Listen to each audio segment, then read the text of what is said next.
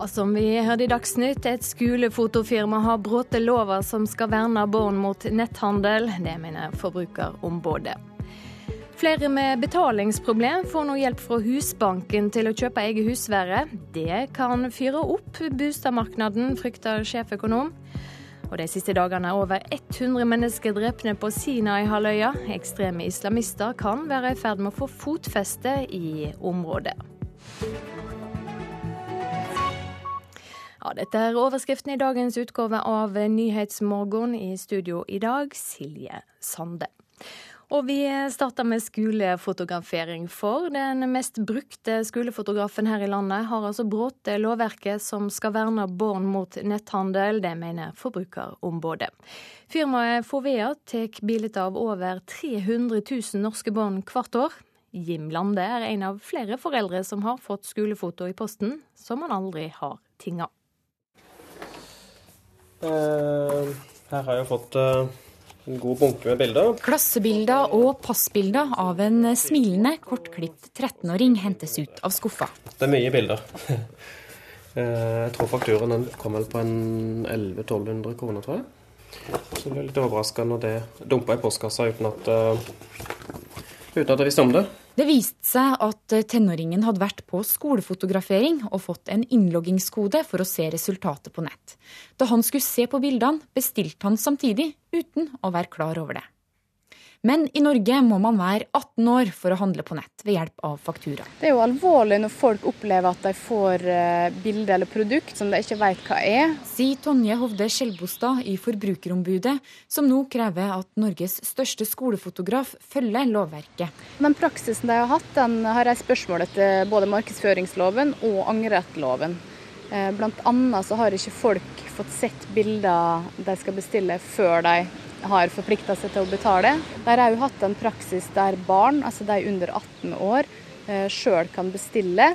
Eh, det er jo en praksis som er i strid med markedsføringsloven, så da har vi bedt dem om å endre, endre den praksisen. da.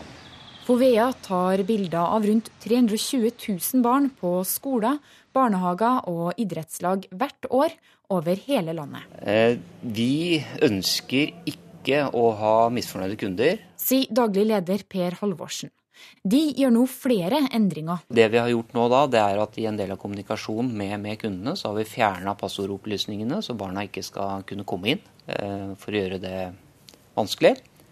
Og så viser vi også bildene ute på registreringssida før foreldrene bestiller bildene. Det viser jo at eh, det hjelper å, å være en kranglefant. Jim Lande betalte aldri fotoregninga han fikk i posten for nesten et år siden.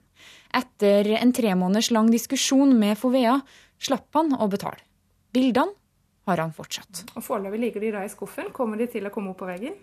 De ligger i skuffen. Ehm, nå har vi jo tatt mange fine bilder hos eh, andre fotografer, så, men eh, vi får se om de kommer opp på veggen etter hvert. Reportere Miriam Grov og Marit Gjelland. Martin Skaug Halsås i Forbrukerrådet, velkommen. Takk. Fovea har nå, som vi hørte, gjort flere endringer i rutinene sine etter at det ble påpekt at de brøt markedsføringslova. Men eh, det i Forbrukerrådet har fått mange spørsmål fra foreldre når det gjelder slike skolefoto. Hva sier de? Det er jo ganske fortvilende når man får eh, bilder i posten som koster mange tusen kroner. Man hadde kanskje ikke helt regnet med at det skulle koste så mye. Eh, og at det er ens egen unge som allerede har, som har bestilt det. Ja. ja. Og det er jo slik at eh, det som har skjedd her, er, og som folk har klaget på, er at de ikke har hatt muligheten til å si nei takk. Og det har også vært klage på at det har vært dyre pakker, i stedet for at du kan bare bestille enkelt og enkelt bilde. Og det er også folk som har eh, eh, fortalt at eh, de har fått regning i posten uten å ha gjort noe som helst. Dette selskapet har altså endra rutinene. Er de nøyde med det de har gjort? Vi syns det er veldig flott at de endrer rutinene, og vi er veldig fornøyd med at Forbrukerombudet har kommet på banen og, og sett på dette her. Vi har jo fått henvendelser om skolefoto og Fovea så langt tilbake som til 2010. Eh, og eh, det er veldig flott å se at eh, folk som har barn på da, treningslag og på skoler og barnehage, nå får den hjelpen de skal ha. Er dette en bransje der det kommer mange klager? Nei, det er det ikke. Når man hører antallet folk som dette gjelder, så er det jo ikke mange klager vi får til Forbrukerrådet. Men for igjen, det er vanligvis folk tar kontakt med oss med bil og husleiespørsmål. Slik at dette er ikke så vanlig folk spør om. Og man kan si når man først så på tallene, så var det ganske mye henvendelser vi fikk. Eh, men altså skolefoto. Da jeg gikk på skolen, så tok vi bare foto noen få ganger i løpet av hele grunnskolen, medan det nå skjer hvert år mange steder. Og det er ikke lite penger det som foreldre skal betale, gjerne 1200 kroner hvert år per barn. Hva syns du om denne ordninga? Nei, har, eh, Vi har veldig forståelse for barneforeldrene her. Og det er mange av barneforeldrene som også er ansatt i Forbrukerrådet, opplevd det samme. Og når Forbrukerrådet tidligere har tatt denne saken her og snakket med Fovea bl.a., eh, så hadde vi egne eksempler, faktisk, eh, på nettopp praksis som gjorde at man betalte veldig mye for bilder som man kanskje ikke ville ha. Som kanskje blir liggende i Som kanskje blir liggende i skuffen. Ja. Eh, men det er vel alltid slik at en kan sende tilbake, en kan angre seg? Eh, det er slik at eh, hvis ting er spesielt tilvirket eh, for deg, så har du i utgangspunktet ikke angrerett, men det, det, du skal bli opplyst om dette på forhånd, og det er det som Forbrukerombudet har sagt her. At man har da gått inn på en side, og så har man bestilt. Og da er det utgangspunktet slik at det er litt for seint hvis man har fått de riktige opplysningene. Men her er det jo barn som har gjort det. Og barn kan ikke bestille disse bilene. De er under 18 år og har ikke muligheten til å sette seg i gjeld. Kanskje er grunn for foreldre å følge ekstra med da, når det er ny runde med fotografering til høsten? Helt riktig. Det håper vi de gjør, og da tror vi ting vil ordne seg. Takk skal du ha for at du kom i studio, Martin Skaug Halsås i Forbrukerrådet. Husbanken låner nå ut 1 milliard kroner ekstra til folk som er vanskeligstilte. Slik kan flere med varige betalingsproblem sikre seg en egen bostad. Vi vil gjerne imøtekomme kommunenes behov for ytterligere startlånemidler, slik at de kan få hjulpet flere av sine innbyggere til å skaffe seg et eh, godt boforhold. Til gladmelding til kommunene og til gladmelding til kommunens eh, innbyggere. Sier administrerende direktør Bård Øystensen i Husbanken. Statsbanken øker nå årets pengepott fra 6,5 til 7,5 milliarder kroner. Disse lånes ut til kommunene som så låner disse såkalte startlånene videre til vanskeligstilte innbyggere. Så nå er det først og fremst husholdninger som har varige betalingsproblemer, som eh, kan få startlån. Og dette kan være, dette kan jo også være ungdom, være enslige forsørgere, det kan være eh, lavtlønnsinntektsgrupper, det kan være funksjonshemmede og ikke minst flyktninger. Og låntakerne som sliter med å få lån i privatbankene, er sultne på husbanklånene. På ett år har utbetalingen av disse lånene økt med 30 viser nye tall. Det har nok eh, sammenheng med en generell stigning i boligprisene. Altså Det må mer lån til for hver bolig som, eh, som omsettes.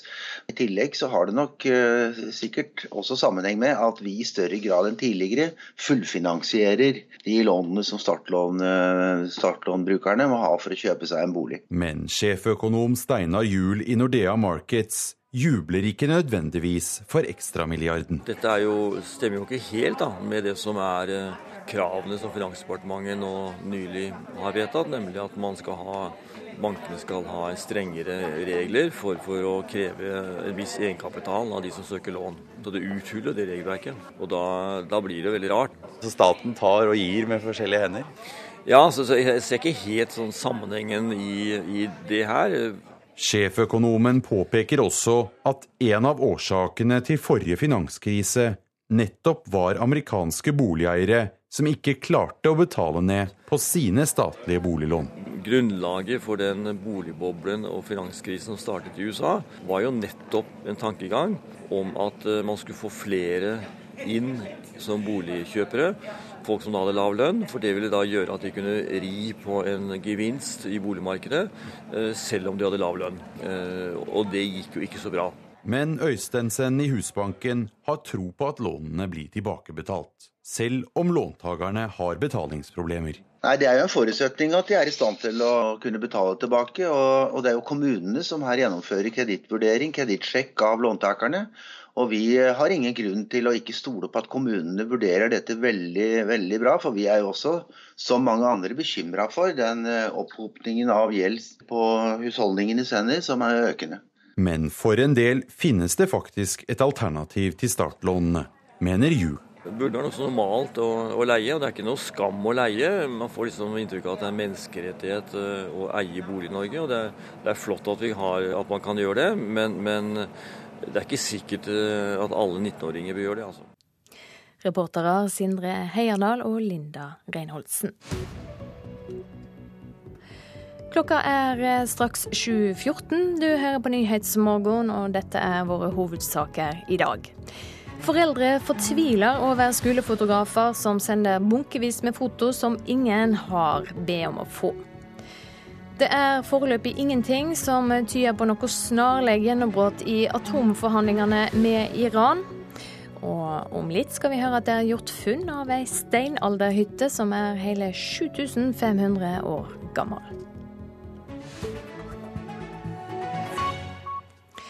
Først nå til Egypt. De siste dagene er over 100 mennesker drepne i harde kamper mellom egyptiske tryggingsstyrker og islamistiske opprørere på Sinai-halvøya. Dette er de hardeste kampene i området på flere år. Den ekstreme islamistiske gruppa som kaller seg Sinai-provinsen, slutta seg i fjor til terrorgruppa IS og har tatt på seg skylda for flere av åtakene de siste dagene.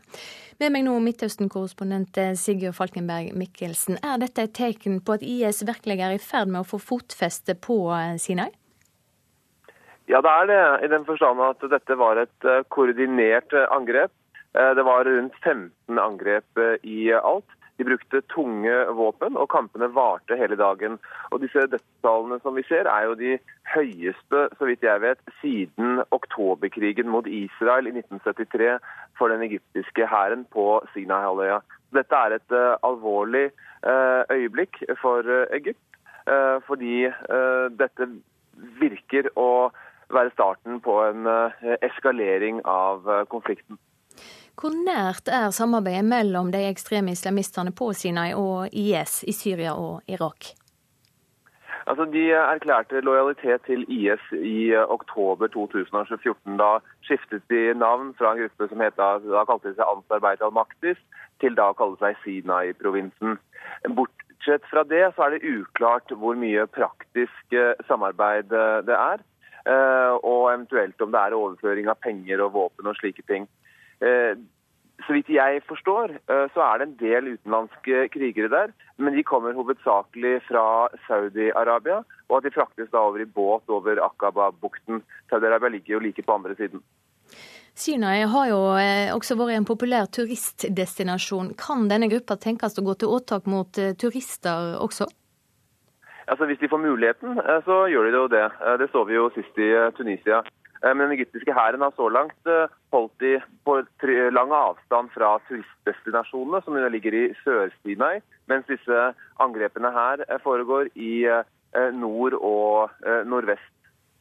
Er det fare for at denne uroa kan spreie seg til resten av Egypt? Det vi har sett de siste dagene har også vært en eskalering av volden her i Kairo.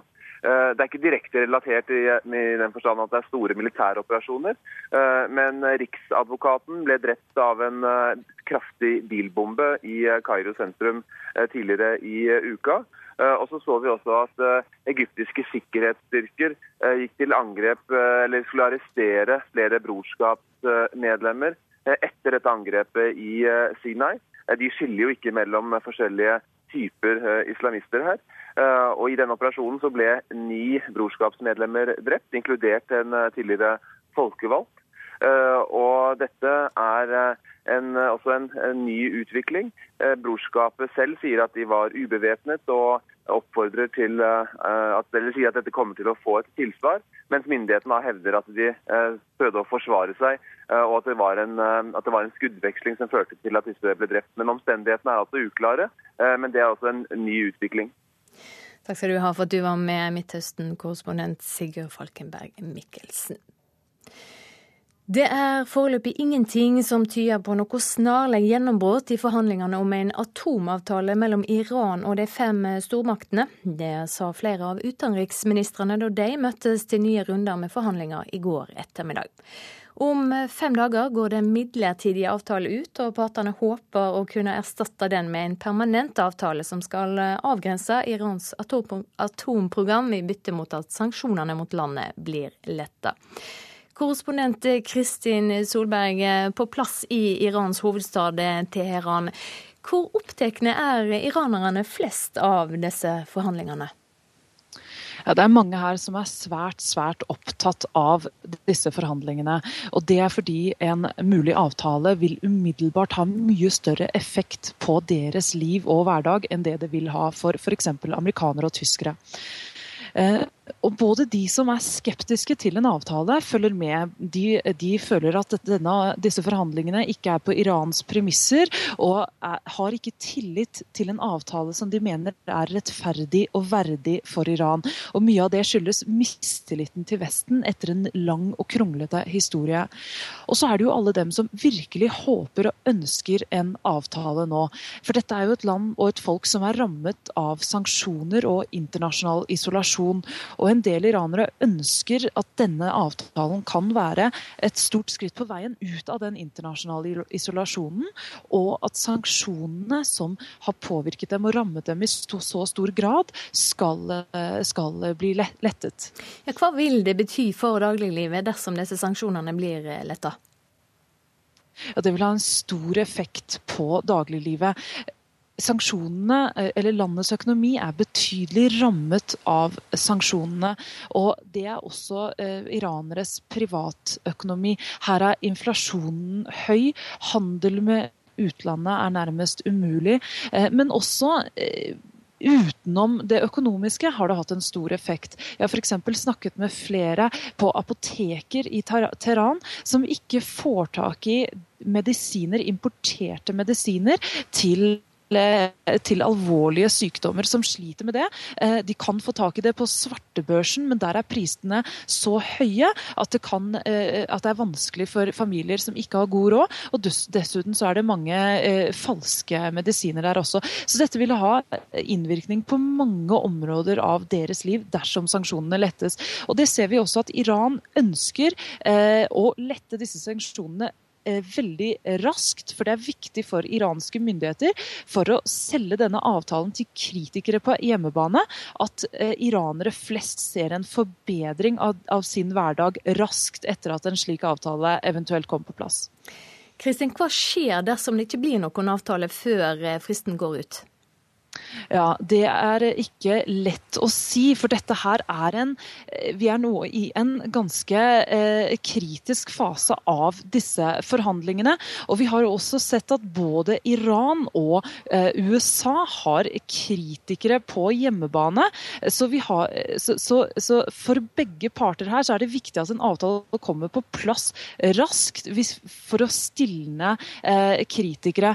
Og både i Iran og, og i USA så har man nå altså Det har sammenfalt en liberal vind med eh, president Barack Obama i USA og president Rouhani i Iran. Men det er valg i USA om ikke lenge, og da vet man ikke om det vinduet vil lukke seg. Dessuten så er det jo slik at dersom Iran fortsetter med et atomprogram som de selv hele tiden insisterer på at er for fredelige eh, formål, så kan det utvikle seg til et atomkappløp i regionen. Og det er ingen tjent med. Takk skal du ha for at du var med, korrespondent Kristin Solberg. Nå skal vi ta en kikk på dagens aviser. Over 3500 barn under 15 år er politimeldte de siste åra, skriver Aftenposten.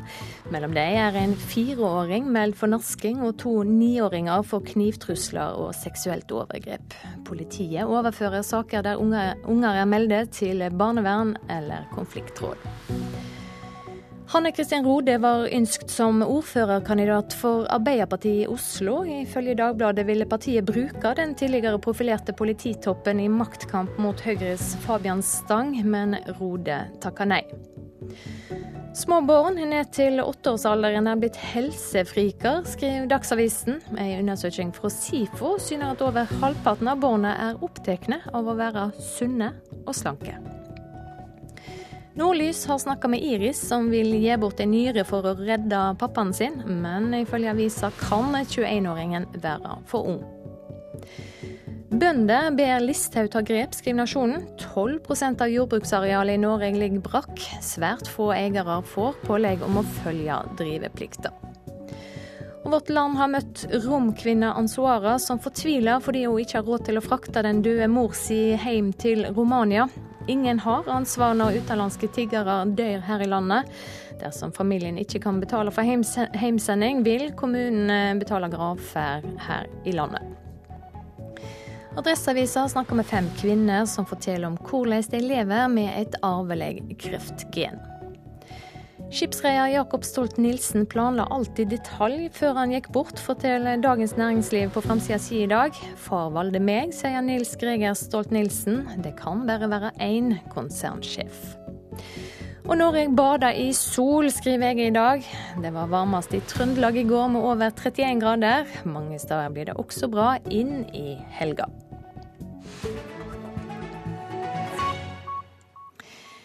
Rester etter bosteder fra eldre steinalder er sjelden på Østlandet. Men nå har arkeologer gjort et funn i Frogn i Akershus like ved Oslofjorden. Ei hytte som er hele 7500 år gammel.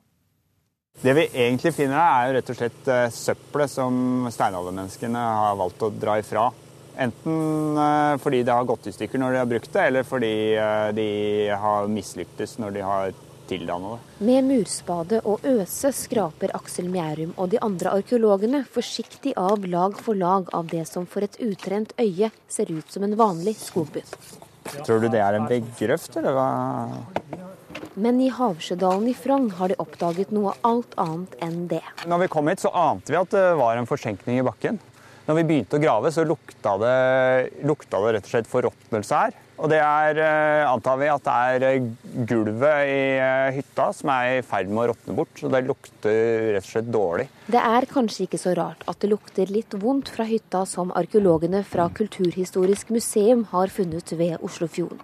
Den er nemlig 7500 år gammel og stammer fra Nøsttvettfasen i eldre steinalder. Det stedet her ligger akkurat ved det sundet, og jeg er ganske sikker på at dette har vært et utgangspunkt for veldig mye annet som har skjedd i skjærgården her. Man har kanskje dratt et annet sted og eh, fiska, og kanskje dratt innover i landet og jakta på eh, eh, hjortevilt. Og man har kanskje hatt, drevet med dypvannsfiske lenger ut i eh, Oslofjorden f.eks. Og noe, det som gjør stedet her egentlig helt spesielt, det er nettopp den, den hytta vi har funnet her. Da, som eh, viser at de har vært her lenge, og oppholdt seg mye her og virkelig har trivdes. da. Og med hønseletting og eget aggregat som sørger for at vannpumpa går, solder de, spyler ren og finkjemmer jorda for å finne spor etter de som en gang bodde der. Og det er flint arkeolog Torger Winther jakter på. Det er jo, Flinten skiller seg jo veldig ut fra den, eh, den, andre steinen som vi har her. Da. Eh, flint er jo ikke en stein som eh, opptrer naturlig i berggrunnen i Norge. Så i Norge så kan man være rimelig sikker på at all flint man finner, den er bearbeida av mennesker. Grunnen til at Winter og åtte andre har stått på knærne og spadd i ti uker, er at fylkesvei 82 skal utvides over dette området. De har hele tiden visst at det bærer på skjulte skatter fra steinalderen, men at de skulle finne nærmere 60 000 gjenstander og en hytte, hadde de ikke trodd. Det å ha funnet en hytte høres kanskje litt eh, kjedelig ut, men for oss steinalderarkeologer så er dette egentlig helt fantastisk. Nå har vi gravd 50, kanskje 100 steinalderboplasser fra dette tidsrommet her. Og dette er eh, den andre hytta vi finner spor etter, da. Så vi er jo veldig entusiastiske. Arkeologene avslutter arbeidet denne veka. Alt de har funnet vil bli lagra ved Kulturhistorisk museum. Reporter Emilie Helberg Saksæter. Så skal vi ha fotball. Det ble en god start på kvalifiseringa til gruppespillet i Europa League for de norske lagene i går kveld. Odd hadde på førerhånd blitt advart mot knalltøff motstand fra Sheriff Tiraspol fra Moldova. Odd leverte, ifølge assistenttrener Jan Frode Nordnes, noe av det beste spillet noen gang. Nei, Jeg er vel egentlig litt målløs her og nå. Det, det, var en fantastisk opplevelse. En magisk fotballkamp. Det er vel kanskje noe av det beste Odds ballklubb har gjort nesten gjennom historien. Gleden var stor i Odd-leiren etter 3-0 over Sheriff Tiraspol i Moldova, og et meget godt utgangspunkt før returmøtet i Skien neste uke. Odd fikk en tung start på turen til Moldova da Akabuese Bentley måtte forlates på flyplassen grunnet visumtrøbbel. Spilleren kom tilbake innen kampstart, gikk rett inn på laget og ordnet 1-0 selv. Så skåret Odd to til, og klubbdirektør Einar Håndlykken var i ekstase etter kampslutt. Det er helt utrolig. og ja, Det er bare å være glad for at jeg får lov til å være med på sånt. For det her jeg kommer jeg til å huske resten av livet. Vi snakka jo om at et knapt tap, eller eh, hvis vi på topp liksom, fikk med en uavgjort, så var det helt uh, supert. Og så drar vi herfra og har vunnet 3-0. Det er jo helt sykt. og jeg tror ingen av vi som er her borte tror og jeg tipper ingen av de som har fulgt kampen hjemme tror det. Det er helt eh, vilt. De to andre norske lagene fikk også et ålreit utgangspunkt før neste ukes returoppgjør. Rosenborg slo Vikingur fra Færøyene 2-0 borte, mens Strømsgodset beseiret Partisan i Tirana 3-1 hjemme. Første målskårer Lars Kristoffer Wilsvik hadde følgende å si etter kampen. Kjipt med baklengsmålet, men 3-1 er et OK resultat. Så får vi gjøre en god jobb der nede og så gjøre alt for å ta oss videre. Reporter Vegard Aulstad. Det er straks tid for Dagsnytt 7.30. Etterpå skal vi til USA og høre at flere delstater nå gjør det lovlig å bruke marihuana.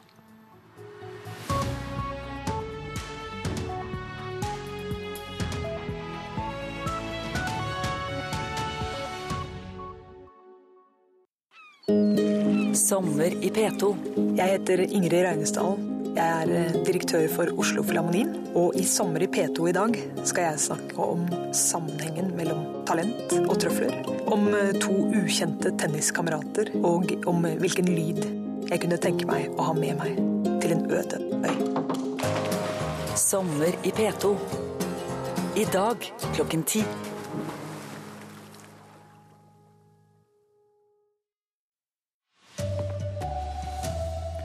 Frankrike og Tyskland er uenige i synet på en gresk folkeavstemning. Husbanken vil låne ut mer penger til folk med betalingsproblemer.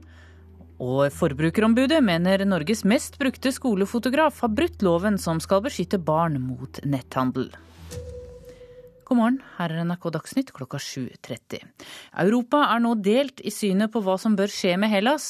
De toneangivende landene er Tyskland og Frankrike, og de er nå uenige i synet på folkeavstemningen som Hellas planlegger å holde på søndag. President i Frankrike Francois Hollande sier det er vår plikt å sørge for at Hellas beholder euroen som valuta. Vi må derfor forhandle og ikke bruke veto og harde ord er hans budskap. Frankrike vil ikke at grekerne skal gjennomføre folkeavstemningen, og med det risikere at de må ut av valutasamarbeidet. Det franske synet er i direkte konflikt med det tyske. Vi warten jetzt das Referendum ab. Forbundskansler Angela Merkel er klar i sitt syn. Ingenting kan skje før den greske folkeavstemningen. Døren er fortsatt åpen for forhandlinger. Men nå må det greske folk først si sitt, slik de har rett til i et demokrati. Hollande sier akkurat det motsatte. En avtale må komme nå, med en gang. Vi har ikke tid til å vente, sier Hollande. Analytikerne mener forskjellen grunner i det økonomiske styrkeforholdet mellom Tyskland og Frankrike. Økonomianalytiker James Bevan sier uro i eurosonen vil påvirke Frankrike i langt høyere grad enn Tyskland, Italia og Spania. For mens de to sistnevnte land har gjennomført sine reformer i kjølvannet av eurokrisen, og Tyskland alltid har vært sterk, henger Frankrike etter og er nå sårbar. Det sa reporter Halvard Sandberg. Husbanken låner ut 1 milliard kroner ekstra til vanskeligstilte. Dermed kan folk med varige betalingsproblemer sikre seg egen bolig. Vi vil gjerne imøtekomme kommunenes behov for ytterligere startlånemidler. Sier administrerende direktør Bård Øystensen i Husbanken. Statsbanken øker nå årets pengepott fra 6,5 til 7,5 milliarder kroner. Disse lånes ut til kommunene, som så låner disse såkalte startlånene videre til vanskeligstilte innbyggere. Så nå er det først og fremst husholdninger som har varige betalingsproblemer, som eh, kan få startlån. Men sjeføkonom Steinar Juel i Nordea Markets jubler ikke nødvendigvis for ekstramilliarden. Dette jo, stemmer jo ikke helt da, med det som er eh, kravene som Finansdepartementet nå nylig har vedtatt, nemlig at bankene skal ha strengere regler for, for å kreve en viss egenkapital av de som søker lån. Så det uthuler det regelverket. Og da, da blir det veldig rart. Sjeføkonomen påpeker også at en av årsakene til forrige finanskrise nettopp var amerikanske boligeiere som ikke klarte å betale ned på sine statlige boliglån. Og det gikk jo ikke så bra. Men Øystensen i Husbanken har tro på at lånene blir tilbakebetalt. Og Det er jo kommunene som her gjennomfører kredittvurdering, kredittsjekk av låntakerne. Og vi har ingen grunn til å ikke stole på at kommunene vurderer dette veldig bra. For vi er jo også, som mange andre, bekymra for den eh, opphopningen av gjeld. Reportere i dette innslaget var Sindre Heierdal og Linda Reinholdsen.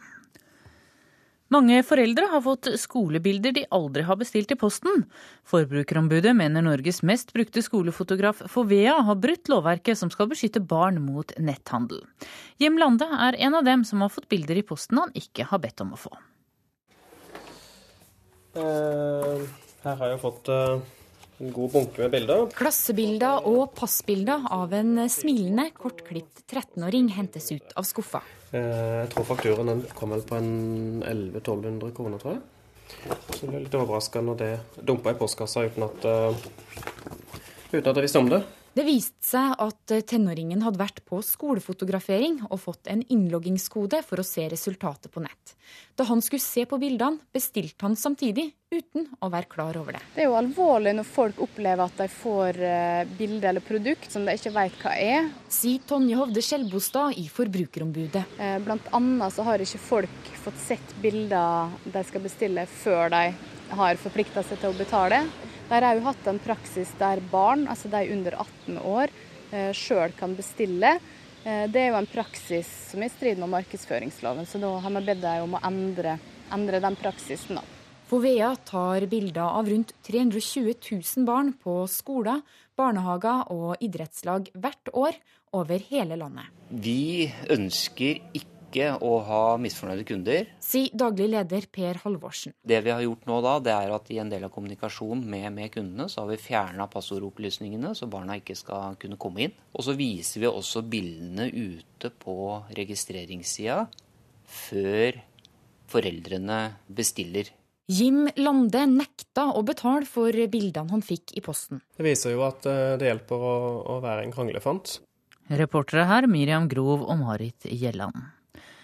I Hedmark har to mennesker mistet livet i en ulykke på rv. 25 utenfor Elverum i natt. To andre er skadd og fraktet til sykehus, for den ene er skadene kritiske. Ulykken skjedde da bilen de satt i kjørte på en elg, sier fungerende politistasjonssjef Ove Oshjelten i Elverum. Denne bilen har eh, kommet fra vest retning, og kjørt retning eh, østover mot, mot Trysil, på Trysveien. Så har bilen kjørt på en elg. Kjørt av eh, veien inn i et tre. Det jobbes nå med å finne ut hva årsaken til ulykka var. Det er litt for, for, tidlig å si noe om det, men uh, en av årsakene er jo den nærpåkjørselen, selvfølgelig. Så Utover det så kan jeg ikke si så mye ennå. Det, det, pågår jo for fullt eh, tekniske undersøkelser på stedet nå fra teknikere fra oss. Politiet kjenner ennå ikke identiteten til de omkomne, men bekrefter at det var en norskregistrert bil. Identiteten er uklart eh, så lenge. Det kommer jo ut med etter hvert når vi har fått det på plass og får varsla de pårørende, som er er viktigst her. Reporter her Trond Ivan Hagen. De siste dagene er over 100 mennesker drept i harde kamper mellom egyptiske sikkerhetsstyrker og islamistiske opprørere på Sinai-halvøya i Egypt. Den ekstreme islamistiske gruppen som kaller seg Sinai-provinsen, sluttet seg i fjor til terrorgruppen IS, og har tatt på seg ansvaret for flere av angrepene de siste dagene.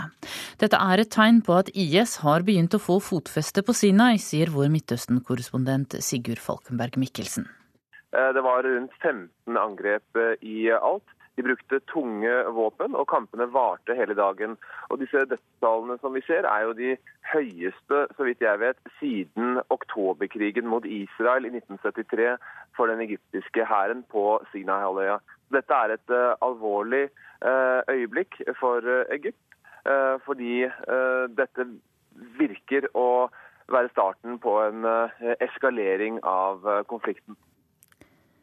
I Kina har et jordskjelv rammet Xinjiang-regionen nordvest i landet.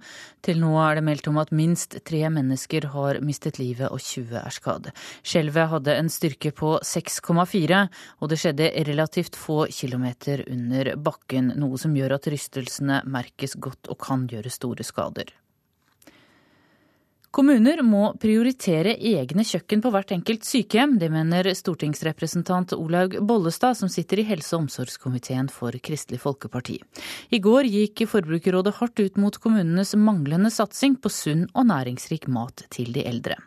Bollestad mener problemet er at stadig flere kommuner satser på storkjøkkenmat.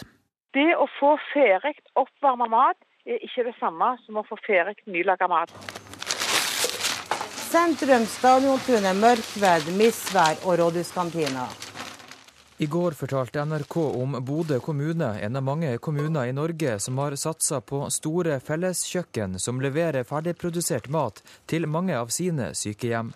Og i produksjon så eh, produserer vi, og så kjøler vi maten hurtig ned.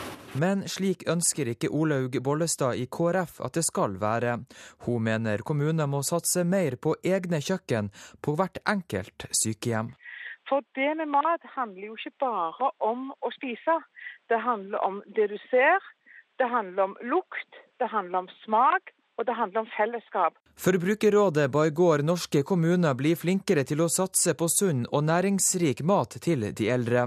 Bakgrunnen er en rapport fra Helsetilsynet som viser at 60% av de eldre på sykehjem er underernærte. Reportere her var Adrian Dahl Johansen. Ansvarlig for Dagsnytt denne morgenen er Ellen Omland. Det tekniske ansvaret har Frode Thorshaug. Her i studio Tone Nordahl.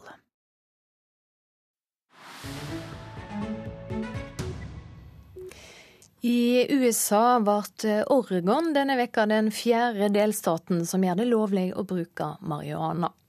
Forkjemperne for det narkotiske stoffet er aktive i flere andre stater, sjøl om de føderale amerikanske lovene i utgangspunktet forbyr bruk av marihuana.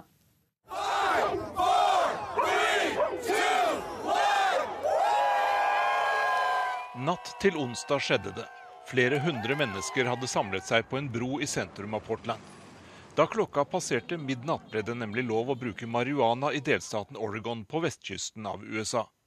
Folk i byen var raske til å fyre opp sine første lovlige jointer for å markere at Oregon nå er den fjerde staten i USA som legaliserer det narkotiske stoffet. Oh, totally I'm, I'm totally awesome. I, I, dette er aldeles fantastisk, sier denne mannen. Han mener at dette er noe byen har hatt behov for lenge. Under feiringen natt til onsdag ble det ikke spart på konfekten.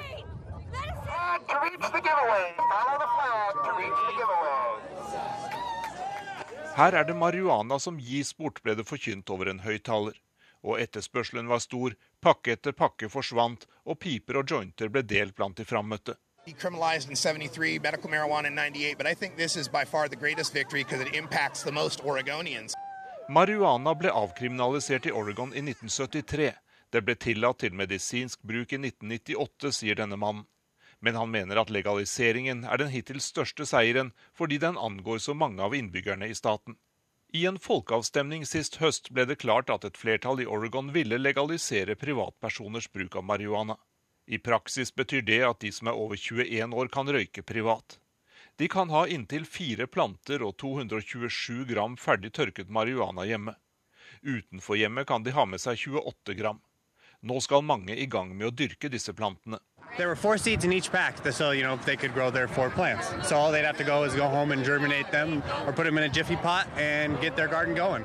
Det er fire frø i hver pakke, sier mannen som deler ut marihuanafrø i Portland. Han oppfordrer folk til å dra hjem og plante dem og få fart på dyrkingen. Ifølge loven i Oregon er det forbudt å bruke marihuana på offentlig sted, men hittil har ingen blitt arrestert for dette. Om et halvt års tid vil myndighetene begynne å ta imot søknader om lisenser for å handle med det narkotiske stoffet, og det er ventet at de første marihuanabutikkene vil åpne høsten om litt over et år. Det er helt klart at det nå er en stor holdningsendring på gang i USA når det gjelder bruk av dette narkotiske stoffet. I got sushi. I got the best sushi. This area is dry, man. You know that. I know that. Ain't nobody selling but me. For noen få dager siden dukket den første fjernsynsreklamen for marihuana opp på de store amerikanske selskapene. En skummel skinnjakkekledd kar i en bakgate tilbyr sushi fra innerlomma. Så overtar en seriøs kvinnestemme. You wouldn't buy your sushi from this guy, so why would you buy your marijuana from? MarijuanaDoctors.com is the only service that connects patients with real doctors for medical marijuana recommendations. Du ville vel ikke kjøpe sushi fra denne karen? Hvorfor vil du da kjøpe marihuana fra ham, spør kvinnen i reklamen. Hun tilbyr bistand fra et firma med leger til å skaffe stoffet på lovlig vis til folk som trenger marihuana til medisinsk bruk. Om lag halvparten av de amerikanske delstatene har legalisert denne typen bruk. Men i andre stater er det stor motstand mot hel eller delvis legalisering av stoffet. Marihuanalovgivningen er nå svært forskjellig fra stat til stat. Samtidig forbyr de føderale lovene i USA bruk av stoffet. Men dette forbudet er det altså stadig flere som blåser i.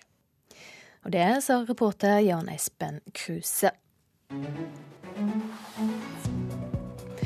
Du hører på Nyhetsmorgen i NRK P2 og Alltid nyheter. Klokka tikker mot 7.45, og dette er noen av våre hovedsaker i dag. Skolefotograf har brutt lova som skal verne barn mot netthandel. Det mener Forbrukerombudet. Husbanken vil låne ut mer penger til folk med lav inntekt. Det kan fyre opp boligmarkedet, frykter sjeføkonom. Og De siste dagene er over 100 mennesker drepne på Sinai-halvøya. Ekstreme islamister er i ferd med å få fotfeste i området. Om litt skal vi møte en ungdomspolitiker som gleder seg over at 16-åringer i flere prøvekommuner får lov å røyste til høsten.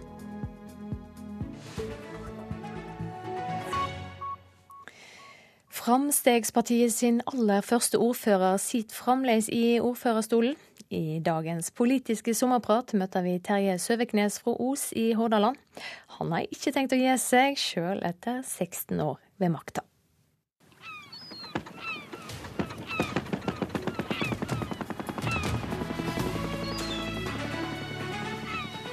Politisk sommerintervju i Nyhetsmorgen. Nå skal man ikke drive med sjølskryt. Siv Jensen hun eh, skal få lov å gjøre en eh, fantastisk jobb i regjeringa for Fremskrittspartiet, men i Os er det nok Terje Søviknes som betyr mest. Terje Søviknes, 46 år, eh, førstekandidat for Os Fremskrittsparti. I dag ordfører i Os kommune, en vekstkommune like sør for Bergen. Vel 20 000 innbyggere, som går veldig godt. Du blei valgt inn som ordfører i Os i 1999. Da var du Frp sin første og eneste ordfører i Norge. Siden så har du blitt der. Hva er hemmeligheten med å holde på makta så lenge? Vi har gjort eh, ganske mye i Os på disse 16 årene, og vi har fått lov å styre i et eh, stabilt flertall med Fremskrittspartiet og Høyre gjennom fire valgperioder. Første valgperioden gikk eh, stort sett med til å snu en eh, negativ økonomisk trend fra underskudd til overskudd gjennom å bruke tradisjonelle Frp-verktøy. Vi avbyråkratiserte og effektiviserte. Vi eh, konkurranseutsatte en god del tjenester. og Samla sett så har det bidratt til at vi i etterkant har hatt en veldig god økonomi. Hvordan ligger du an? Blir det attvalg en ny periode? Nå er det nå velgerne som skal si sitt 14.9, eh, men eh, det ser veldig bra ut. Det har vært lokale meningsmålinger som viser at uh, Fremskrittspartiet og Høyre fortsatt får høy oppslutning og har et flertall på målingene. Fremskrittspartiet lå i størrelsesorden rundt 37% og det må jo være bra etter såpass mange år i posisjon. Og hvis du får makta og sitter ut perioden, så vil du ha hatt ordførerjobben i 20 år sammenhengende. Hvor lenge har du tenkt å holde på, egentlig? Nei, det begynner vel å nærme seg grensa nå. 20 eh, år er lang tid i politikken. Du, vi må snakke litt om eh, handling på søndag. For uh, en skulle tro det var opplagt i ei blå-blå kommune at det gikk inn for søndagshandel, men den gang ei. Hva Nei. skjedde? Eh, I Os kommunestyre så ble det en delt eh, innstilling når det gjelder søndagshandel. Flertallet ville ikke ha det. Eh, og i Frp og Høyre, som da utgjør flertallet, så valgte man å fristille gruppene. og da endte det med at eh, noen gikk for eh, søndagsåpent, i tråd med regjeringas primærstandpunkt, mens det undertegner som eneste representant faktisk gikk for ordninger der eh, vi ønsker at dette skal bestemmes lokalt, og at vi dermed kan ha en dialog mellom næringslivet og eh, politisk miljø om eh, en skal ha søndagsåpent, og i hva grad en skal eventuelt ha søndagsåpent, og hva type butikker dette skal gjelde. Så du som ordfører ble rett og slett stående helt alene i ditt eget kommunestyre? Ja, for første gang på 16 år så ble jeg stående helt alene i ei votering. Eh, ikke engang Venstre, som jo er opphavspartiet til, til, dette forslaget om å ha eh, lokal bestemmelse over, over, åpningstidene, valgte å stemme for det forslaget. Ja, Venstre ser du jo ikke helt på den måten, da. De mener dette forslaget kommer fra regjeringa. Ja, men det er nå deres forslag og det de har stått for tidligere. så det ligger vel an til, eh, til, et mulig litt kompromiss der, men vi får nå se. Nå er det opp til regjeringa og stortingsflertallet å ta stilling til hvordan vi skal eh, organisere handelen i, i forhold til søndager. Du hadde et uh, opplegg, eller en gimmick, i flere år der du som ordfører satte ned på benken på kjøpesenteret for å møte innbyggerne. Men det har du slutta med. Blei du lei av å møte folket? Nei, jeg ble ikke lei av å møte folket. Jeg møter vel folket mer enn noen gang. Eh, I starten så var det viktig å, å komme ut og være synlig. Men tidene endrer seg. Eh, I dag så er Sosiale medier f.eks. en eh, plass der veldig mange tar kontakt, og kanskje føler at det er enklere å ta kontakt med helt konkrete saker, uten at de nødvendigvis skal gjøre det i et offentlig rom der det sitter andre tilhørere til stede og, kan lytte på hva som blir, eh, blir sagt. Os kommune har kutta kostnadene, innbyggertallet auka, det får ny og raskere vei til Bergen. Det har overskudd på budsjetta. Det er mye som går riktig vei i Os? Ja, det gjør det. Og vi er veldig glad for at vi har fått denne anledningen gjennom 16 år til å tenke langsiktig. Og Fremskrittspartiet og Høyre har vært veldig tydelige på, på eh, å styre kommunen ganske sterkt. Vi har handlekraft som vårt eh, motto, og det har gitt etter hvert veldig gode resultat. Likevel så har det ikke kapasitet til å ta imot noen ekstra syriske flyktninger. Hvorfor kan det ikke dele litt med andre som ikke er så heldige? Vi eh, øker mottak av flyktninger fra i fjor til i år eh, fra 10 til 15 per år, inkludert eh, familiegjenforening.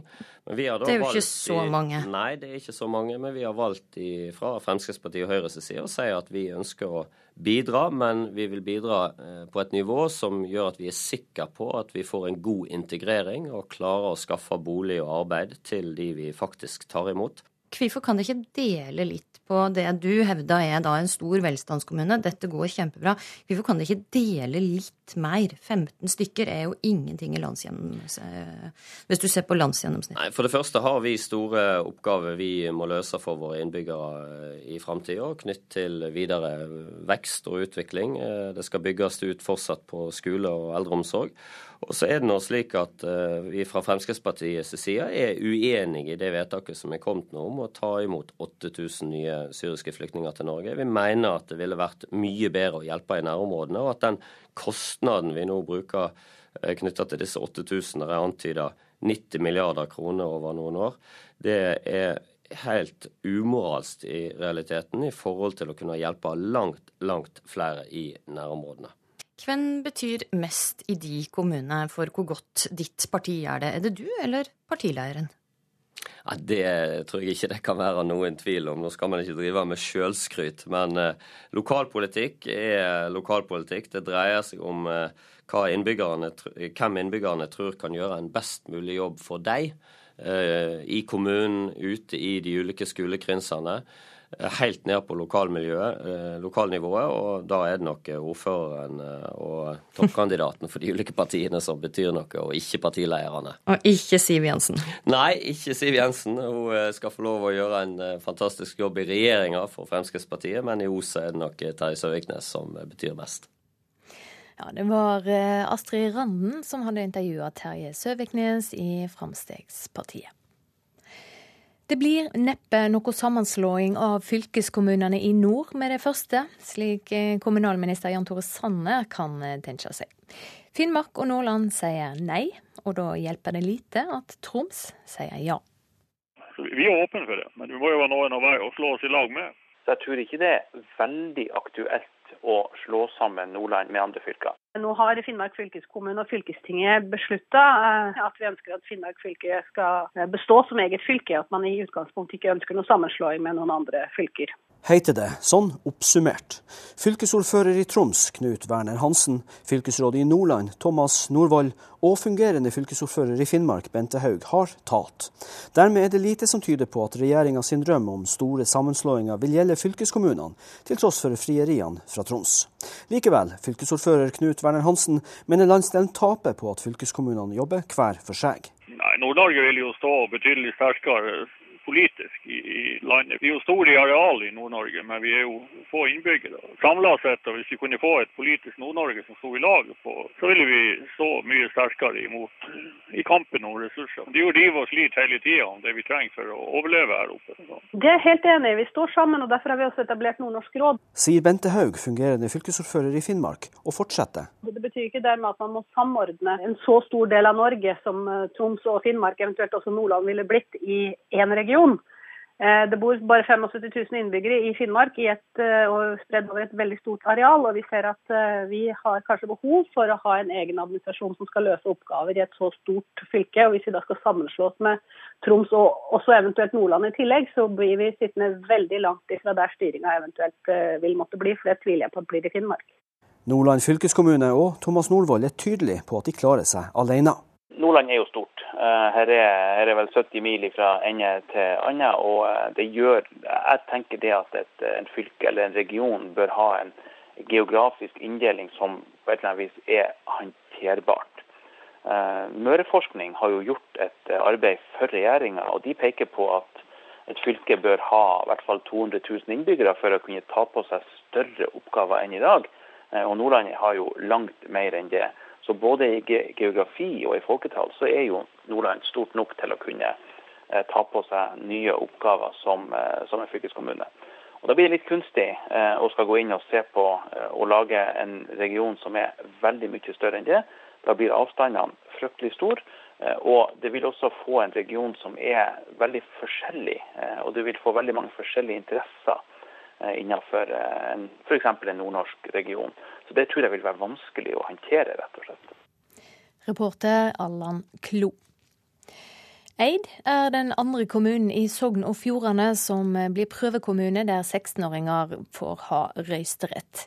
I Luster kommune var valgdeltakinga blant 16-åringene på hele 82 sist. Jakob Bredesen er leder i Sogn og Fjordane Unge Venstre. Han sier det er stort å få kunne røyste for første gang. 16 år gamle Jakob Bredesen blir vist vei gjennom Servicetorget på rådhuset i Eid. Da er du klar til å avgi stemma di? For første gang i livet skal den politisk aktive tenåringen få være med å bestemme hvem som skal styre kommunen han bor i. Ja, Det er jo en stor dag for lokaldemokratiet. Det blir jo første gang en 16-åring får stemme i det hele tatt ved noen valg eh, på Eid. Eid er dette valget inne på lista over de 20 kommunene som skal være med i prøveordninga med røysterett for 16-åringer. Luster er med for andre gang. I kommunevalget for fire år tilbake var valgdeltakinga der blant 16-åringene hele 82% Leder i Eid ungdomsråd, Anne Kristine Villar Sundal, håper at også tenåringene i Eid vil engasjere seg i valget. Eh, jeg har jo i hvert fall tolka det slik at eh, de som får stemmerett nå i år, eh, de er veldig positive til det og kommer til å stemme. Da skal du få være med inn i. Inne i valgrommet ligger det to bunker på bordet. Men fylkestingsvalglista må ligge i ro. Det er bare til kommunevalget 16-åringene i Eid kan røyste. Så må vi få legitimasjon. Sånn at vi kan fylle ut? Ja, jeg har Som 16-åring kan heller ikke Bredesen, som er fylkesleder i Unge Venstre, stille til valg til kommunestyret. Likevel mener varaordfører og tidligere stortingsrepresentant fra Venstre, Gunvald Ludvigsen, at røysterett for 16-åringer utgjør en klar politisk skilnad. Når vi nå holder på å skal snekre i hop et, et valgprogram, nå blir det helt naturlig å fokusere på det som er viktig for ungdommen. Sånn. Da er jeg stemt. Og nå skal vi ut og spre det glade budskap, og håpe at så mange som mulig blir med. Reporter her Asgeir Heimdal Reksnes. Da er vi kommet fram til værvarselet fra Meteorologisk institutt. Fjellet i Sør-Norge får skiftende bris. Først på dagen litt regn, senere spredde regnbyger, kan hende med torevær. Fra i ettermiddag perioder med sol sør for Finse. Østlandet for det meste sørlig bris, noe tilskyende opphold. Fra om ettermiddagen skiftende skydekke med spredde regn- og torebyger, men også perioder med sol. Telemark og Agder skiftende bris, delvis skyet. Spredde regnbyger kan hende med torevær, perioder med sol, og i kveld kan det bli skodd i ytre stråk av Vest-Agder. Vestlandet sør for Stad. Sør og sørøst frisk bris utsatte steder. Regnbyger utrygt for torevær. I ettermiddag dreying til nordlig bris, stort sett opphold. I kveld utrygt for lokal skodde. Møre og Romsdal og Trøndelag får sørvestlig periodevis frisk bris på kysten. I kveld dreiende vestlig. Regnbyger utrygt for torevær. I kveld opphold i ytre stråk av Møre og Romsdal. Nordland får skiftende bris. I sør av og til sørvestlig liten kuling utsatte steder. Lengst i nord opp i nordøstlig frisk bris. Perioder med regn. Troms skiftende bris, i ytre strøk nordøstlig frisk bris enkelte steder. Enkelte regnbyger i sør, ellers opphold. Utover dagen perioder med sol. Finnmark får nord- og nordøst bris, på kysten av og til frisk bris. Enkelte regnbyger i sør, ellers opphold. Utover dagen perioder med sol. Nordensjøland på Spitsbergen får nordlig bris og stort sett fint vær. Vi skal ha temperaturene som var målt for en time siden. Svalbard lufthavn fem grader. Kirkenes og Vardø ni grader. Alta 10, Tromsø-Langnes 8, Bodø 12, Brønnøysund 16, Trondheim-Værnes 19, Molde 16, Bergen-Flesland 17, Stavanger 20, Kristiansand-Kjevik 16, Gardermoen 17, Lillehammer og Røros 16 og Oslo 18 grader. Det er venta litt lågere temperaturer på Vestlandet og i Trøndelag, ellers i landet uendra eller litt lågere temperaturer.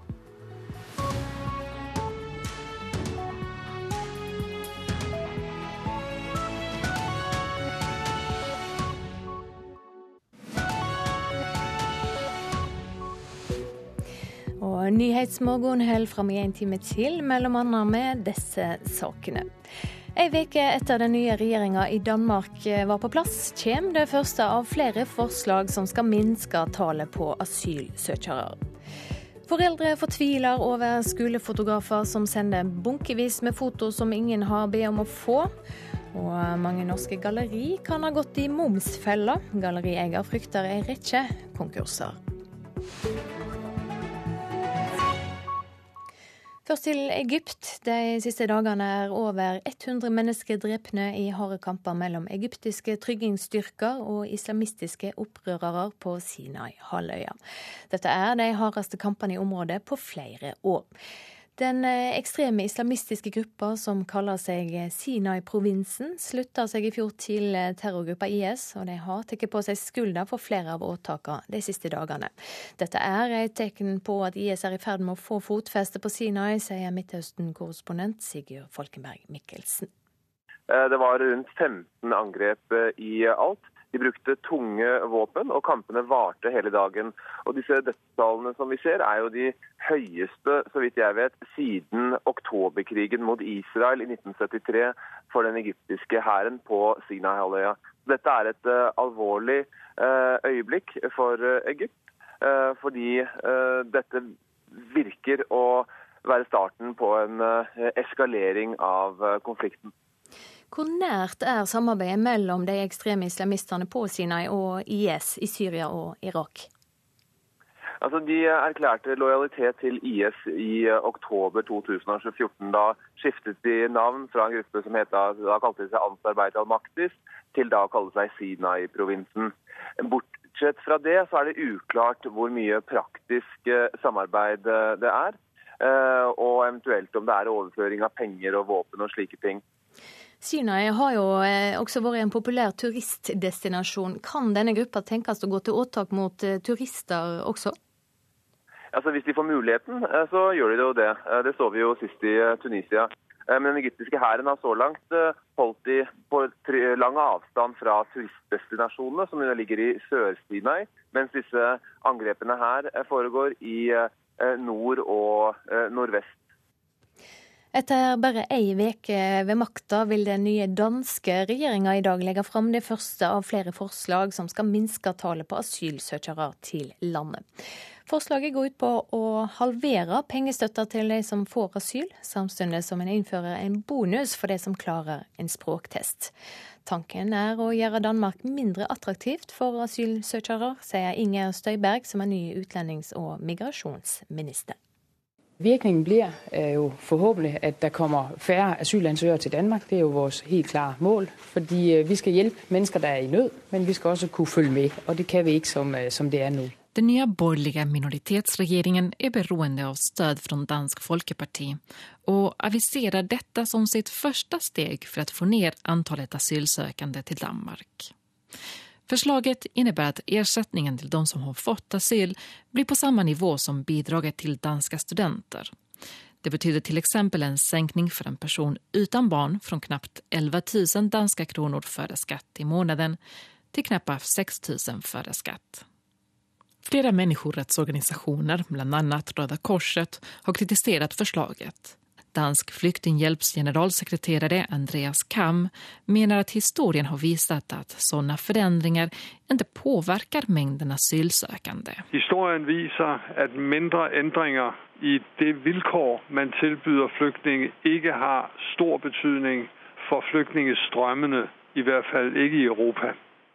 Andreas Kam sier også at det strider mot flyktningkonvensjonen å gjøre en åtskillnad på flyktninger og danske medborgere. Flyktninger skal ha samme sosiale ytelser som et lands øvrige borgere. Og Andreas Kamm befarer at denne forandring bare leder til økt fattigdom blant innvandrere i Danmark. Mange flyktninger og flyktningfamilier blir fattige ved denne her ordningen og fattigdom fremmer ikke integrasjon. Det sa Andreas Kam i den danske Flyktninghjelpa, reporter Natasha Lopez i Sveriges Radio.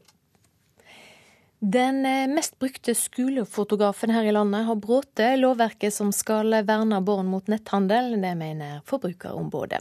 Firmaet Fovea tar bilder av over 300 000 norske barn hvert år. Jim Lande er en av flere foreldre som har fått skolefoto i posten som han aldri har tinga. Uh, her har jeg fått uh, en god bunke med bilder. Klassebilder og passbilder av en smilende, kortklipt 13-åring hentes ut av skuffa. Uh, jeg tror fakturaen kom vel på en 1100-1200 kroner, tror jeg.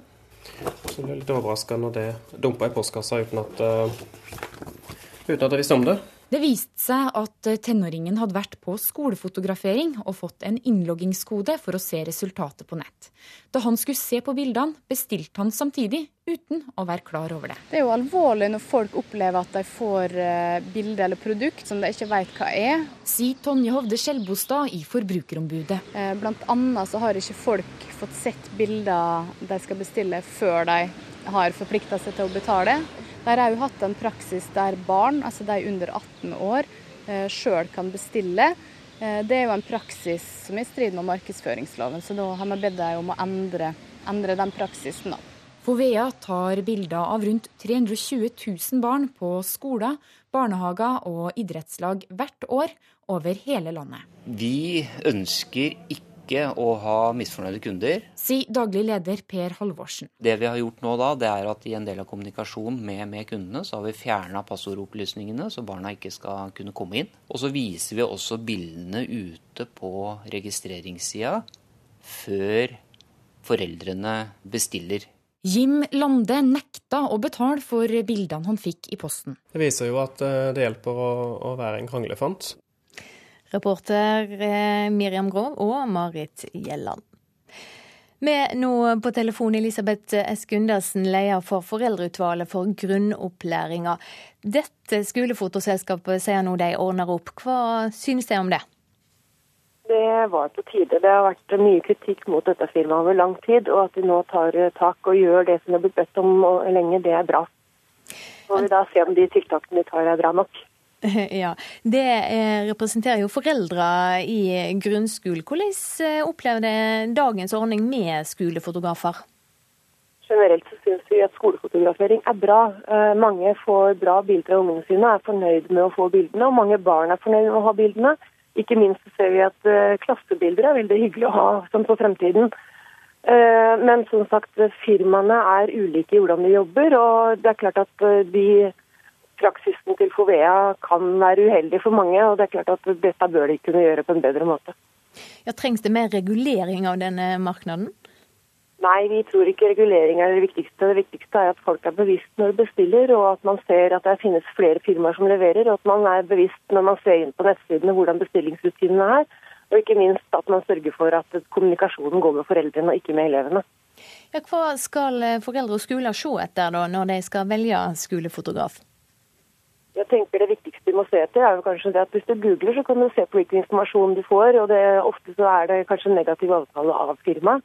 Jeg tenker også at man bør kunne eh, være sikker på at eh, kommunikasjonen er retta mot foreldrene. At man ser at dette som står her sånn er for oss. Hvis man klarer å sjekke ut hvordan bestillingsrutinen er, at man faktisk får se bildene før man bestiller. Ikke minst er det en kjempeviktig ting. Er useriøse fotografer et problem? Eh, nei, jeg vil ikke si det. De aller fleste er seriøse. Og det er nok også Fovea i og for seg. Det er nettkommunikasjonen deres som ikke er god. Og får de retta opp den, så er den bra, den også. Sånn at Det viktigste er jo at man får tatt bilder, og at man har tilgang på bildene til en fornuftig pris. Og jeg synes også Det viktige er at man ikke trykker og skriver ut bilder som man ikke trenger. At man sørger for at det man får, er det man vil ha. Ja, for det er kanskje et miljøperspektiv her også? Ikke minst. Mm. Eh, men er det ikke også foreldra sitt ansvar eh, hva som blir bestilt? Absolutt så er det foreldrenes ansvar også. Men det er klart at med den praksisen hvor elevene får eh, passord til nettsidene og er nysgjerrige og bestiller i det øyeblikket de ser på bildene, og kan gå inn uten egentlig forstå selv hva de gjør for noe, så har vi en kjempeproblem. Og det er lett å få gjort noe med. Mange andre firmaer i andre bransjer har vært nødt til å gjøre noe med det når det gjelder barns mulighet til å bestille, og det kan også skolefotofirmaene gjøre noe med. Er dette noe det har jobba med? Ja, vi har jobba med det mest i forhold til å prøve å få etablert en side på våre nettsider hvor det står informasjon om ikke nødvendigvis firmaer, men hva man bør se etter. Og da gjelder det som sagt det at man ikke må betale for ting man ikke vil ha. At det er de voksne som skal ha kommunikasjonen med leverandøren og at man ikke skriver ut uh, bilder, altså at man kan se på bildene digitalt før man bestiller en eventuelt trykk. Og vi synes det er veldig positivt med skolekataloger med, med, klassebilder, der man kan få en oversikt over alle elevene på skolen, sånn at man både for skolens del og for foreldrene sin del. Takk skal du ha for at du var med, Elisabeth S. Gundersen, leder for Foreldreutvalget for grunnopplæringa. Straks 8.14. Eh, Hovedsaker i Nyhetsmorgen i dag. Frankrike og Tyskland er usamde i synet på ei gresk eh, folkerøsting. Husbanken vil låne ut mer penger til folk med låg inntekt. Det kan fyre opp boligmarkedet, frykter sjeføkonom. Og de siste dagene er over 100 mennesker drepne på Sinai-halvøya i Egypt. Ekstreme islamister er i ferd med å få fotfeste i området. Straks skal vi til eh, Førdefestivalen, høre hva de kan by på av eh, folkemusikk og værsmusikk. Først nå skal det handle om eh, galleri. Gallerieier Bernt Bisseth vil gå til Høyesterett for å få sletta ei kjemperegning. Galleriet hans er dømt til å betale 2,8 millioner kroner i moms de trodde de var fritatt for. Han frykter nå at flere gallerier må legge ned dersom de går i den samme momsfella. Jeg må bare si det. Jeg syns det er helt merkelig at en bedrift som oss skal få et sånt et krav som dette. Bernt Biseth, innehaver av Galleri Biseth i Kristiansand, er fortvilet. Han hadde trodd at lagmannsretten ville legge vekt på at galleriet ikke eier bildene selv, men selger dem på vegne av kunstneren. Men nei, da ankedommen tikket inn på e-posten, måtte han innse at han hadde tapt igjen. Dette er veldig alvorlig, og det tror jeg ikke de dommerne har fått med seg hvordan realiteten på dette er. Galleri Biset er dømt til å etterbetale hele 2,8 millioner kroner i moms. Det oppsiktsvekkende er at regningen kunne vært unngått med et enkelt skilt på veggen, mener Bernt Biset, et som sier at kunsten er kunstnerens eiendom inntil verket er kjøpt av kunden.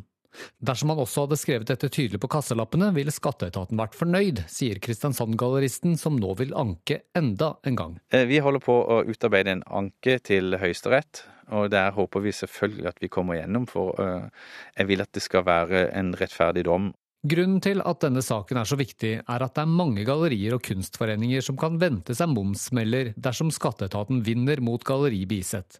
I verste fall kan det ende med nedleggelse for dem som ikke har råd til å betale regningen, tror Biset. Som vet, jeg vet, så er det veldig veldig få gallerier og kunstforeninger som har det på fakturaen sin, at bildet er solgt på vegne av kunstneren. Hilde Tørdal i Norske Billedkunstnere sier mange gallerier og kunstforeninger følger med på Galleri Bisets kamp mot skatteetaten. Hun tror det er mye frykt i bransjen. Jeg tror mange visningssteder eh, i Norge nå frykter de samme eh, reaksjonene fra skatteetaten. At man vil gå gjennom deres økonomi og finne de samme feilene.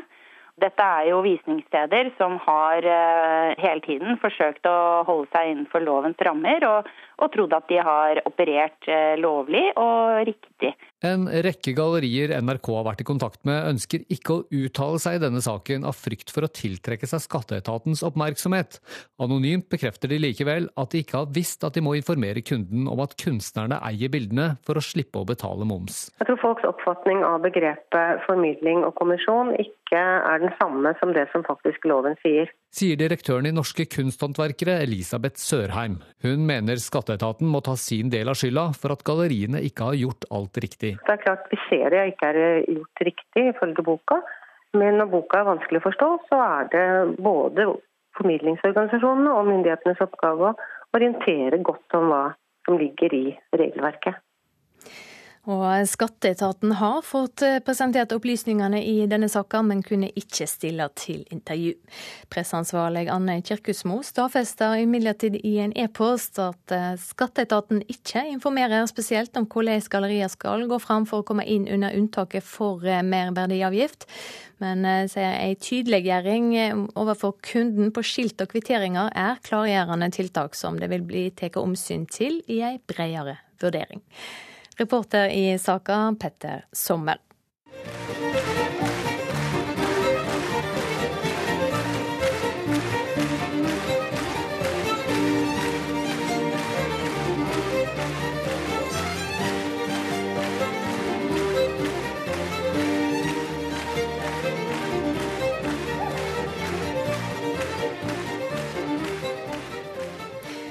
Dette var lyden av åpningskonserten til Førde internasjonale folkemusikkfestival i går kveld. I år er det 25 år siden festivalen ble arrangert for første gang. Og musikkjournalist i Peter Guri Skeiek, hva synes du om åpninga? Ja, det var en eh, fantastisk fin åpningskonsert. Veldig verdig. Og du hørte jo på publikum, de var i ekstase på slutten. Det var Fiddler Spids fra Shetland som avslutta. Men det var et flott utvalg av årets artister fra hele verden. Og som eh, konferansier Sigrid Moldestad sa, så er dette lyden av jorda. det var hardingfele fra Norge og harper fra Wales og Vest-Afrika og stemme fra Sápmi, Bulgaria og Armenia, og koreansk perkusjon. Så det var et utstillingsvindu for det som skjer resten av festivalen. Ja, for dette er jo blitt en stor festival med over 100 arrangement, kring 300 artister fra 20-25 land. Er det også en festival med høy kvalitet? Ja, det er veldig høy kvalitet på festivalen. De artistene som er invitert til Førde, det er verdensstjerner. Og vi, vi kjenner jo ikke akkurat de fra noen VG-liste, men de er av ypperste kvalitet i sin sjanger og sin kultur. Og festivalen har de siste fem åra vært kåra til en av de 25 beste festivalene i verden i sin sjanger av det internasjonale tidsskriftet Songlines. Og i fjor så kom de på National Geographic sitt topp sju-liste på musikkfestivaler i Europa. Så det er en av verdens beste festivaler. Ja, hva synes du om eh, programmet i år? Det er eh, et enormt mangfold. Det er skikkelig blanding av eh, både norske tradisjoner, slik som Langeleik-brødrene Åstad-Bråten og Susanne Lundeng med nordnorske slåtter, og Gro Marie Svidal, vinner av Hardingfele klasse A. Og så har du vietnamesisk vattendokketeater, som var helt utrolig. Jodlende pygmeer fra Aka-folk i Kongo. og Fele fra, fra Shetland og strupesang og flamenco. Det er, det er helt fantastisk. Litt av en blanding. ja, det er det. Eh, hva tror du blir høydepunktet i årets festival? Altså, er, altså, Høydepunktet er mangfoldet.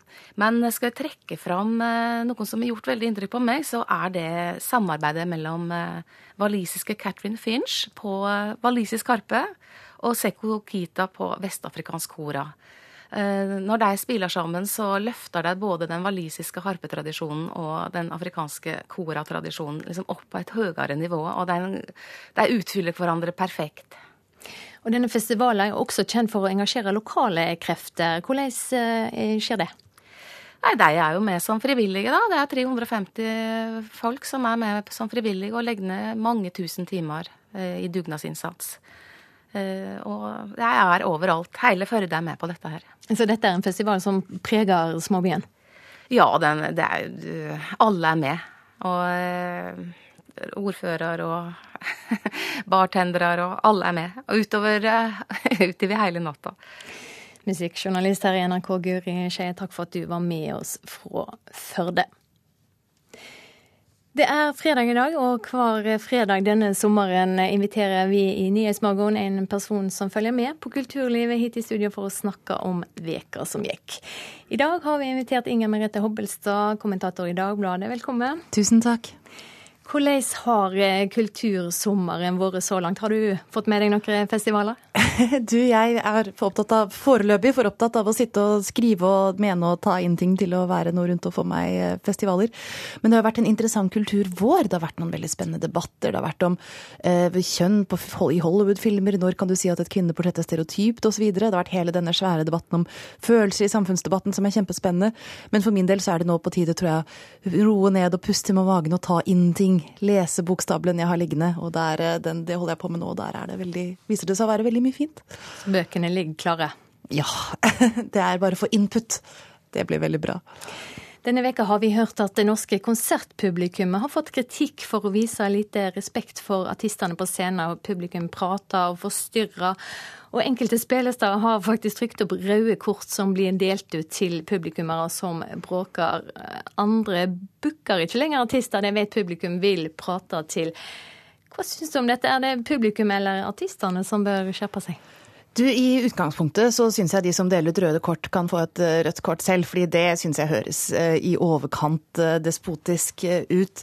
Men, men akkurat selve debatten, synes jeg, der syns jeg ikke det er noe problem å dele sol og måne litt like, og der syns jeg begge parter kan forstås egentlig godt. Altså, jeg tenker at du kan ikke på en måte legge ned forbud mot å snakke sammen. Altså, da går du glipp av så mange som har lyst til å se konserten. Fordi folk går jo på konserter av forskjellige grunner. Altså, noen er der for å sitte og lytte andektig til musikken, eller stå og hoppe opp og ned.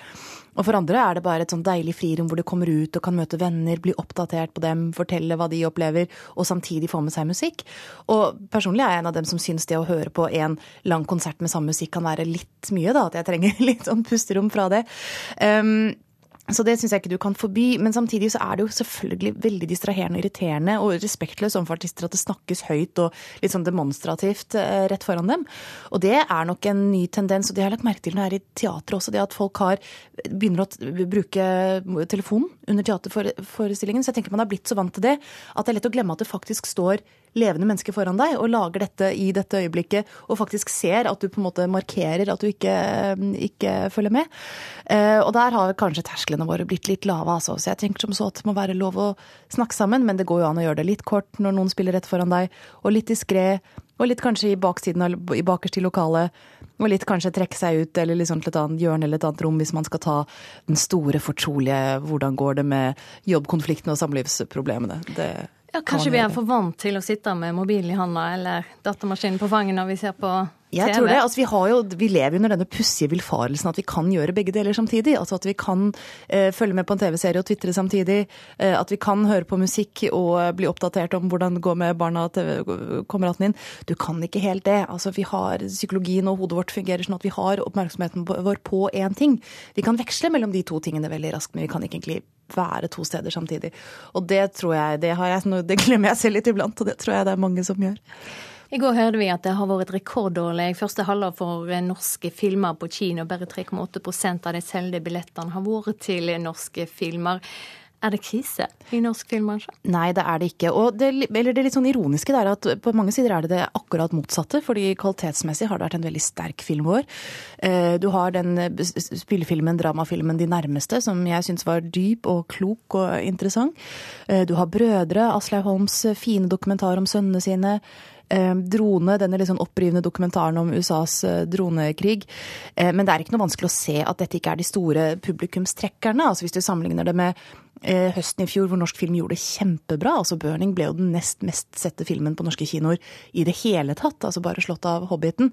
Men så er det jo ikke vanskelig å se for seg at det å se en biljakt oppover gjennom eh, vakker norsk natur med kjære norske skuespillere Det er lettere å få med seg vennegjengen på det enn en film som kanskje har incest som tema, som du utover det ikke vet så mye, mye om.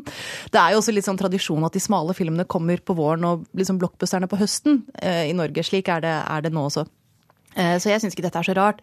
Men jeg syns det er litt leit, fordi disse filmene ville fortjent et større publikum. Og det er også et problem i Norge at disse smale filmene settes opp på litt for få kinoer. Altså Hvis det var sånn Burning, kunne man se over hele landet. De nærmeste og Blind og disse eh, filmene som man vet ikke vil trekke like mange, har man ikke gjort det med. Så jeg tenker nok at det kan hende det er folk som ville vært interessert i å se disse filmene, som eh, dessverre ikke har hatt anledning til det. Men det kommer mer til høsten? Ja. Da, da de som vi skal ha popkorn og katastrofer, de kan bare glede seg til det. Takk skal du ha for at du kom i studio i dag, Inger Merete Hobbelstad, kommentator i Dagbladet. Takk. Vi skal ta en kikk på dagens aviser. Over 3500 barn under 15 år er politimelde de siste åra, skriver Aftenposten. Mellom dem er en fireåring meldt for nasking og to niåringer for knivtrusler og seksuelt overgrep. Politiet overfører saker der unger er meldt til barnevern eller konfliktråd. Hanne Kristin Rode var ønsket som ordførerkandidat for Arbeiderpartiet i Oslo. Ifølge Dagbladet ville partiet bruke den tidligere profilerte polititoppen i maktkamp mot Høyres Fabian Stang, men Rode takka nei. Små barn ned til åtteårsalderen er blitt helsefriker, skriver Dagsavisen. En undersøking fra SIFO syner at over halvparten av barna er opptatt av å være sunne og slanke. Nordlys har snakka med Iris, som vil gi bort en nyre for å redde pappaen sin, men ifølge avisa kan 21-åringen være for ung. Bønder ber Listhaug ta grep, skriver Nasjonen. 12% av jordbruksarealet i Norge ligger brakk. Svært få eiere får pålegg om å følge driveplikta. Vårt Land har snakka med romkvinne Ansuara, som fortviler fordi hun ikke har råd til å frakte den døde mor si hjem til Romania. Ingen har ansvar når utenlandske tiggere dør her i landet. Dersom familien ikke kan betale for heimsending, vil kommunen bidra med gravferd her i landet. Adresseavisa snakka med fem kvinner som forteller om hvordan de lever med et arvelig kreftgen. Og Norge bader i sol, skriver jeg i dag. Det var varmest i Trøndelag i går med over 31 grader. Mange steder blir det også bra inn i helga. Det er eh, straks tid for en ny eh, Dagsnytt-oppdatering 8.30. Etter det skal det handle om Hellas her i Nyhetsmorgen. Europa er nemlig delt i synet på hva som bør skje med landet. Vi skal også høre at den amerikanske presidentkandidaten Donald Trump får knallhard kritikk for måten han omtaler meksikanske innvandrere på.